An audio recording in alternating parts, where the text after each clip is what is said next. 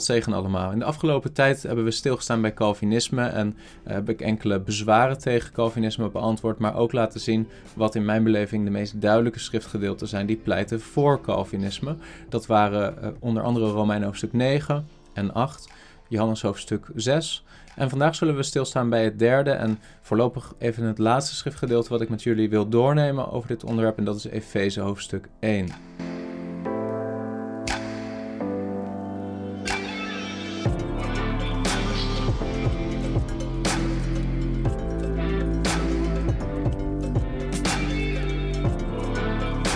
Zullen kijken nu naar de eerste 14 versen van de Efezebrief. Uh, de Efezebrief is een brief die is geschreven door Paulus.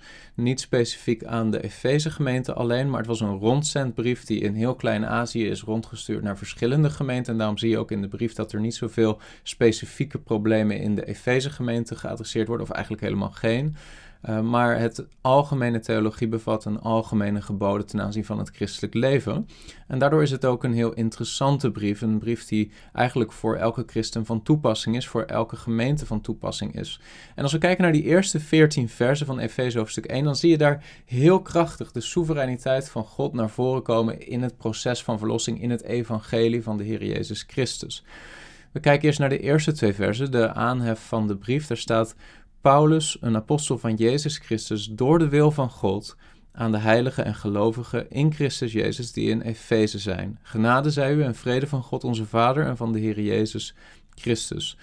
En wat meteen al opvalt is dat Paulus zichzelf beschrijft hier als een apostel van Jezus Christus. Apostolos Christou Jesu, door de wil van God. Dia telematos theou. En daarmee zet Paulus als het ware meteen de toon voor datgene wat gaat volgen in hoofdstuk 1. Maar hij geeft als het ware aan: ik ben een apostel. Niet omdat ik gekozen heb om een apostel te worden, maar omdat God mij vanuit zijn wil heeft gekozen om een apostel te zijn. En de meeste christenen zullen dat niet betwisten. De meeste christenen, ook Arminianen, ook niet-Calvinisten zullen zeggen: ja, de apostelen zijn gekozen door de Heer Jezus, zijn gekozen door God zelf, zijn uitverkoren tot die functie. Uh, maar zullen, zullen dat anders zien als het gaat om algemene gelovigen en de mensen die gered worden in Christus Jezus. Uh, en dat, dat begrijp ik. Dit vers laat ook nog helemaal niet zien dat alle gelovigen uitverkoren zijn of uitverkozen zijn. Maar Paulus zet wel de toon voor wat volgt. Hij zegt: Ik ben een apostel van Jezus Christus door de wil van God. Dia telematos, de wil, door de wil van Theo, van God. En hij adresseert de brief aan de heiligen en gelovigen in Christus Jezus die in Efeze zijn. Nou, dat stukje en Efesoi in Efeze, dat vinden we niet terug in de meest vroege manuscripten. En dat is ook een van de redenen waarom we denken dat het een rondzetbrief was. Niet alleen specifiek geadresseerd aan de Efeze-gemeente, maar aan verschillende gemeenten.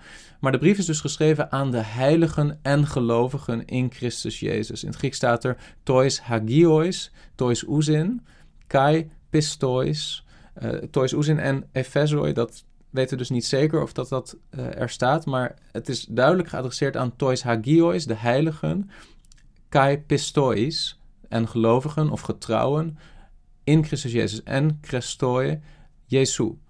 Uh, en Christoi Jesu.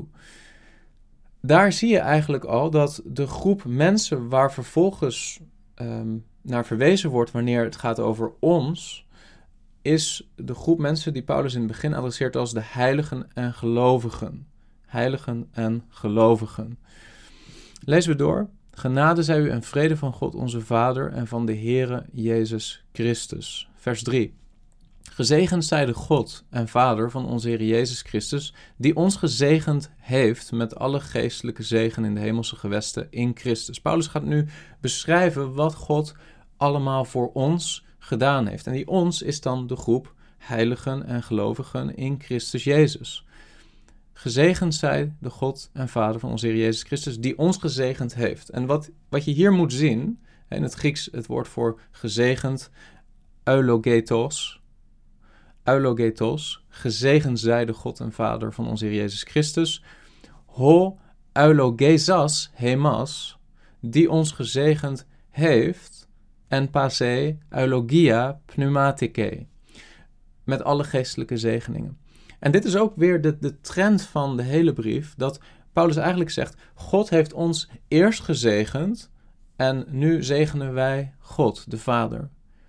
Zegen, gezegend zij God de Vader, die ons gezegend heeft. En dit is de volgorde in het evangelie. Het is de Vader, het is God die het initiatief neemt. Het is God die tot jou komt. Het is God die jou redt op soevereine wijze. En als gevolg daarvan, in tweede instantie, leef jij voor Hem. Draag jij vrucht. Door Hem. Voor Hem. Maar in de Bijbelse context is, is God altijd het begin en het einde. En dat geldt net zo goed voor het proces van verlossing. Hij is degene die het initiatief neemt. Hij is degene die monergistisch werkt om iemand tot zich te brengen. Dat zullen we zien als we deze verse verder lezen. Hij neemt het initiatief. Vers 4, omdat hij ons voor de grondlegging van de wereld in hem, dat wil zeggen in God of in Christus, uitverkoren heeft, opdat wij heilig en smetteloos voor hem zouden zijn in de liefde. En hier zie je heel duidelijk het woord uitverkozen of uitverkoren. Exelexato. Uitgekozen. Dat, ja, meer betekent het niet, minder betekent het ook niet. Het betekent kiezen. God heeft gekozen. Wie of wat heeft hij gekozen? Wat is het object van dit exelexato? Hemas, dat wil zeggen ons in het Grieks. Hemas is het directe object van exelexato, is de accusativus vorm. Dus hij heeft gekozen ons. Wie zijn dan die ons? Dat is de groep gelovigen en heiligen aan wie Paulus ook de brief schrijft. Sommigen zeggen, ja, hier staat niet zozeer dat God ons heeft gekozen, als in Paulus en andere gelovigen in die tijd specifieke individuen die verkozen zouden zijn door God. Nee, God heeft Christus verkozen. Hij heeft de Heer Jezus verkozen. De Heer Jezus is de uitverkorene en in hem zijn wij ook uitverkoren. Maar ja, wie er dan in hem is, dat is dan afhankelijk van wie er al dan niet in hem gelooft. En daarmee zou uitverkiezing dus helemaal geen betrekking meer hebben op het individu of op een persoon. Dat is niet wat hier staat.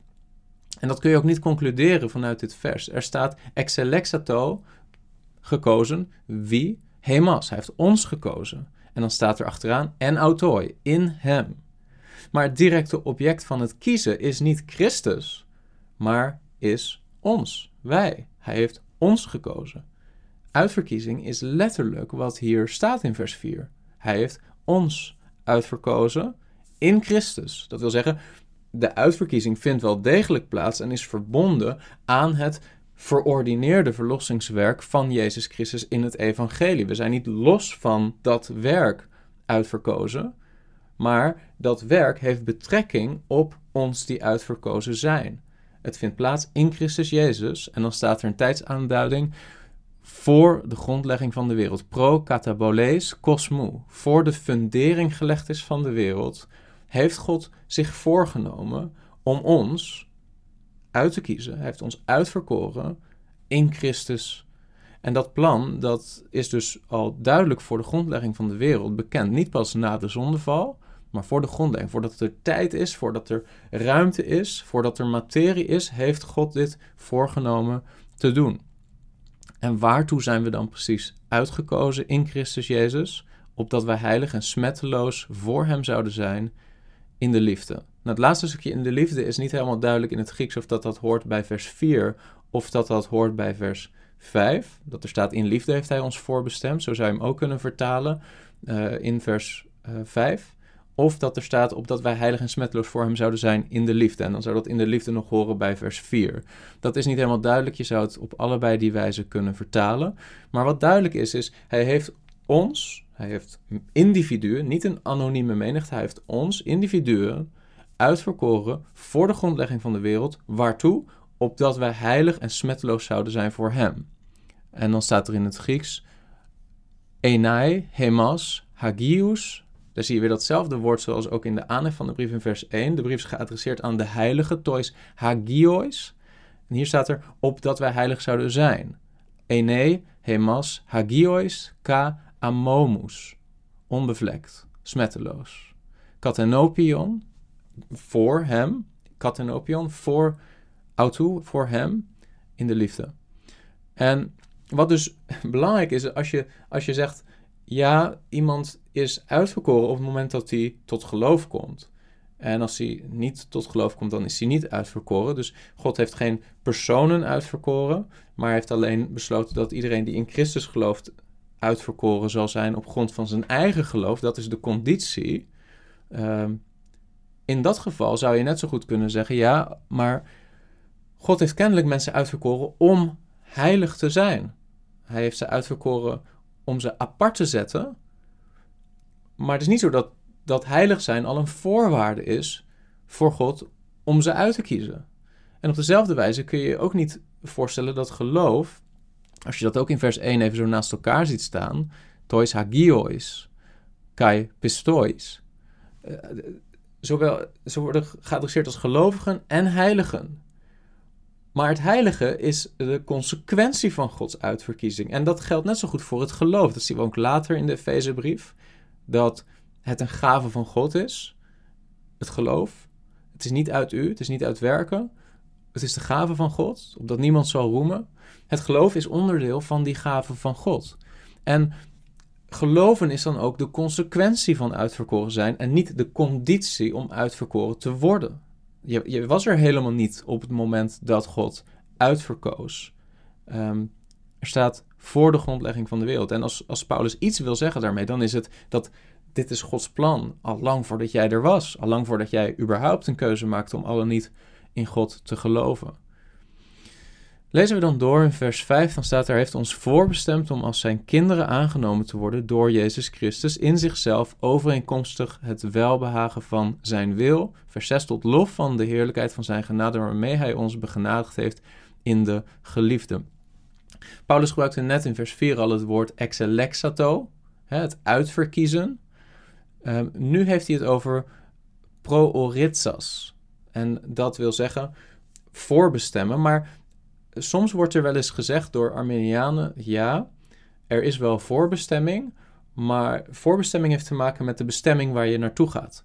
En het is als het ware net als met een vliegtuig. We weten dat het vliegtuig gaat naar een bepaalde bestemming, maar het is aan jou om in het vliegtuig te stappen, ja of nee. En dat, zo kun je het woord pro-oritsas niet uh, vertalen en zo kun je ook het concept van uitverkiezing niet uitleggen. Het is niet het vliegtuig wat uitverkozen is, het zijn de individuen die in het vliegtuig zitten. Um, en het woord pro-ritsas is in, in, het Grieks ook niet, uh, bevat niet het concept van bestemming.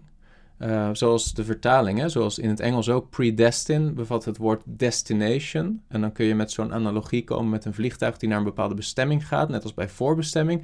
Maar het Griekse woord bevat dat hele concept helemaal niet. Het Griekse woord betekent gewoon dat je vooraf tot een beslissing komt.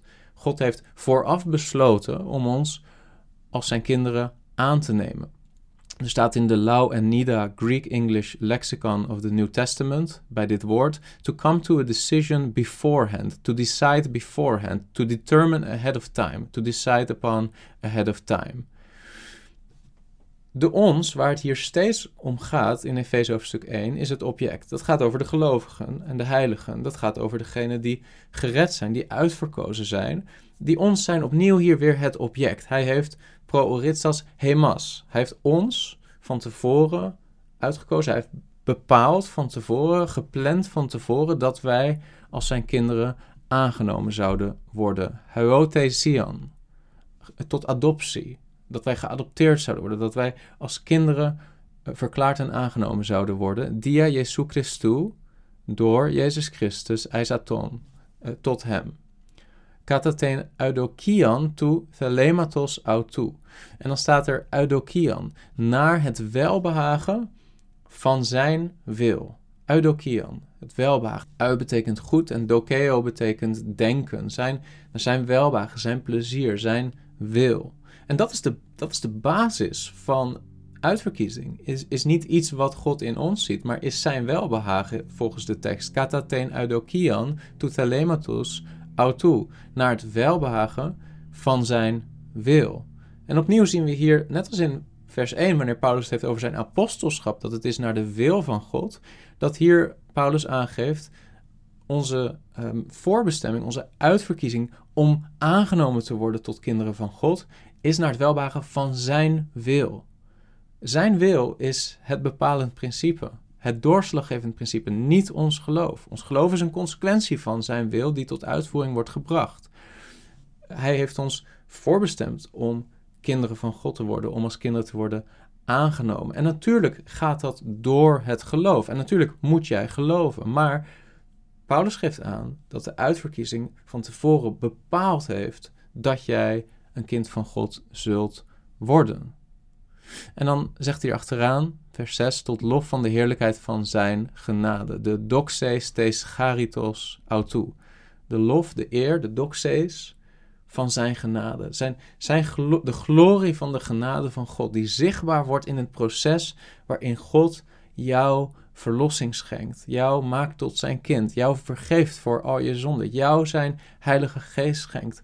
Het is allemaal naar zijn wil en tot de heerlijkheid van zijn genade. Zijn wil en zijn uitverkiezing is het begin.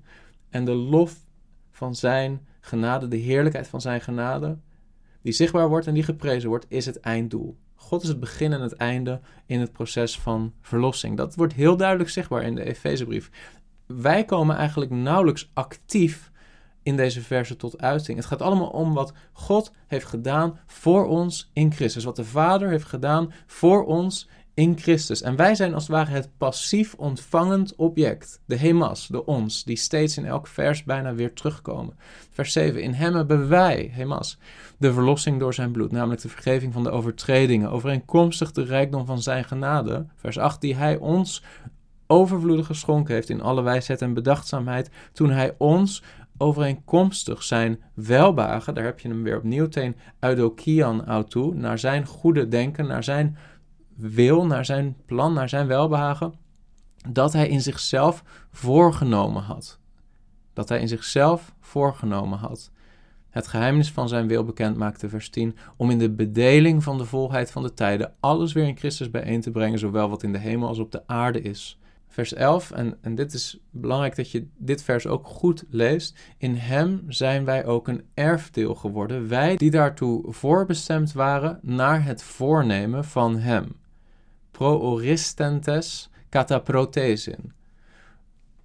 Van tevoren bestemd naar het voornemen van hem. En dan staat er achteraan die alle dingen werkt overeenkomstig de raad van zijn wil. Tapanta energuntetos katatein boulein tu thelematos autou. Die alle dingen doet naar de raad van zijn wil. Boulein, het plan of de intentie, tu thelematos autou, van zijn wil. Het plan of de intentie van zijn wil. Het is heel duidelijk dat Paulus de nadruk legt op Gods soevereiniteit in het plan van verlossing. Het gaat hier niet om een soort anonieme klasse van mensen aan wie God al deze dingen schenkt, op de voorwaarde dat zij zelf geloven. En dat God als het ware voor de grondlegging van de wereld ook keek wie zal er tot geloof komen en dat hij op grond daarvan al die zegeningen geeft. Nee, het geloof wordt hier zelf ook beschreven als een van die zegeningen. Hij heeft van tevoren besloten om een groep mensen te brengen tot heiligheid. En het geloof is daar onderdeel van. We zien later in de Efezebrief dat wij alle vijanden van God waren. Wij alle leefden volgens de verlangens van ons vlees. En dat te midden van dat alles, dat God in zijn grote genade ons gemaakt heeft tot zijn kinderen. Het is een bovennatuurlijk werk. Er is wedergeboorte nodig voordat een mens zich zal bekeren van zijn zonde en tot geloof zal komen. Er is geen mens die gered is omdat hij in zichzelf als het ware iets geestelijker is, of iets gevoeliger is voor de stem van God, of iets meer geneigd om zich te bekeren van nature en tot geloof te komen. Paulus beschrijft ieder mens als een zondaar die zich verzet tegen God en nooit iets anders zal doen dan zich verzetten tegen God, tenzij God op soevereine wijze het hart van de mens verandert. En dat is precies wat een van die zegeningen is die God van tevoren bepaald heeft te geven aan ons, aan de Hemas. En dat is het thema en de inleiding van Efeze hoofdstuk 1. En dan sluiten we die versen af vanaf vers 12 tot 14, opdat wij tot lof van zijn heerlijkheid zouden zijn. Dat is het einddoel, dat wij tot lof van zijn heerlijkheid zouden zijn. Wij die al eerder onze hoop op Christus gevestigd hadden. In hem bent ook u, nadat u het woord van de waarheid, namelijk het evangelie van uw zaligheid, gehoord hebt. In hem bent u ook toen u tot geloof kwam, verzegeld met de Heilige Geest van de belofte, die het onderpand is van onze erfenis tot de verlossing die ons ten deel viel, tot lof van zijn heerlijkheid. En dat is het einddoel van het hele evangelie, is de lof van de heerlijkheid van Gods genade. Hij alleen krijgt alle eer voor het verlossingswerk. Sommigen zeggen dat die ons, dat dat gaat over de Joden en dat die u ook, vanaf vers 13, in hem bent ook u, dat dat gaat over de heidenen. Maar het is niet iets wat heel logisch voortvloeit uit deze versen. Het is niet zo dat Paulus met de Hemas het heel de tijd heeft gehad over Israël. Dat zou ook namelijk niet kloppen. Paulus weet heel goed dat niet allen Israëlieten in die tijd al die zegeningen hebben ontvangen of ontvangen hebben in Christus. Velen hebben Christus verworpen. Velen zijn geen kinderen van God geworden. Dat is heel duidelijk in de tijd van Paulus, ook al voor hem, dat zijn evangelie door een groot deel van de Joden wordt verworpen. En het is dan ook niet mogelijk om deze vers alleen maar te betrekken op het volk Israël. Dit gaat niet, de Hemas gaat niet over Israël. Specifiek, het gaat over gelovigen en heiligen in Christus Jezus. Goed, Efeze hoofdstuk 1. Heel duidelijk argument, heel duidelijk krachtig getuigenis van de soevereiniteit van God in het proces van verlossing. Hij heeft ons voorbestemd, hij heeft ons uitverkozen om als zijn kinderen te worden aangenomen door Christus Jezus, door het geloof, door zijn bloed, tot vergeving van zonde, tot ontvangen van de Heilige Geest. En om uiteindelijk als heiligen onbevlekt voor hem en voor zijn zoon gesteld te worden, tot heerlijkheid van zijn genade. Dat is het evangelie. Misschien is dat aanstootgevend omdat de mens niet centraal staat, omdat de mens een middel is tot de heerlijkheid van God. Maar laten we wel wezen, God is God en wij zijn mensen. Wij zijn slechts zijn schepselen. En alles wat God doet om ons zijn heerlijkheid te openbaren, is het meest kostbare wat wij zouden kunnen ontvangen. Want er is niks kostbaarders, niks groters dan dat God ons zijn heerlijkheid toont en de heerlijkheid van zijn genade. Ik hoop dat je hier wat aan hebt gehad. God zegen. Heb je iets gehad aan deze video? Druk dan op like en wil je vaker dit soort apologetische video's zien? Abonneer dan op dit kanaal.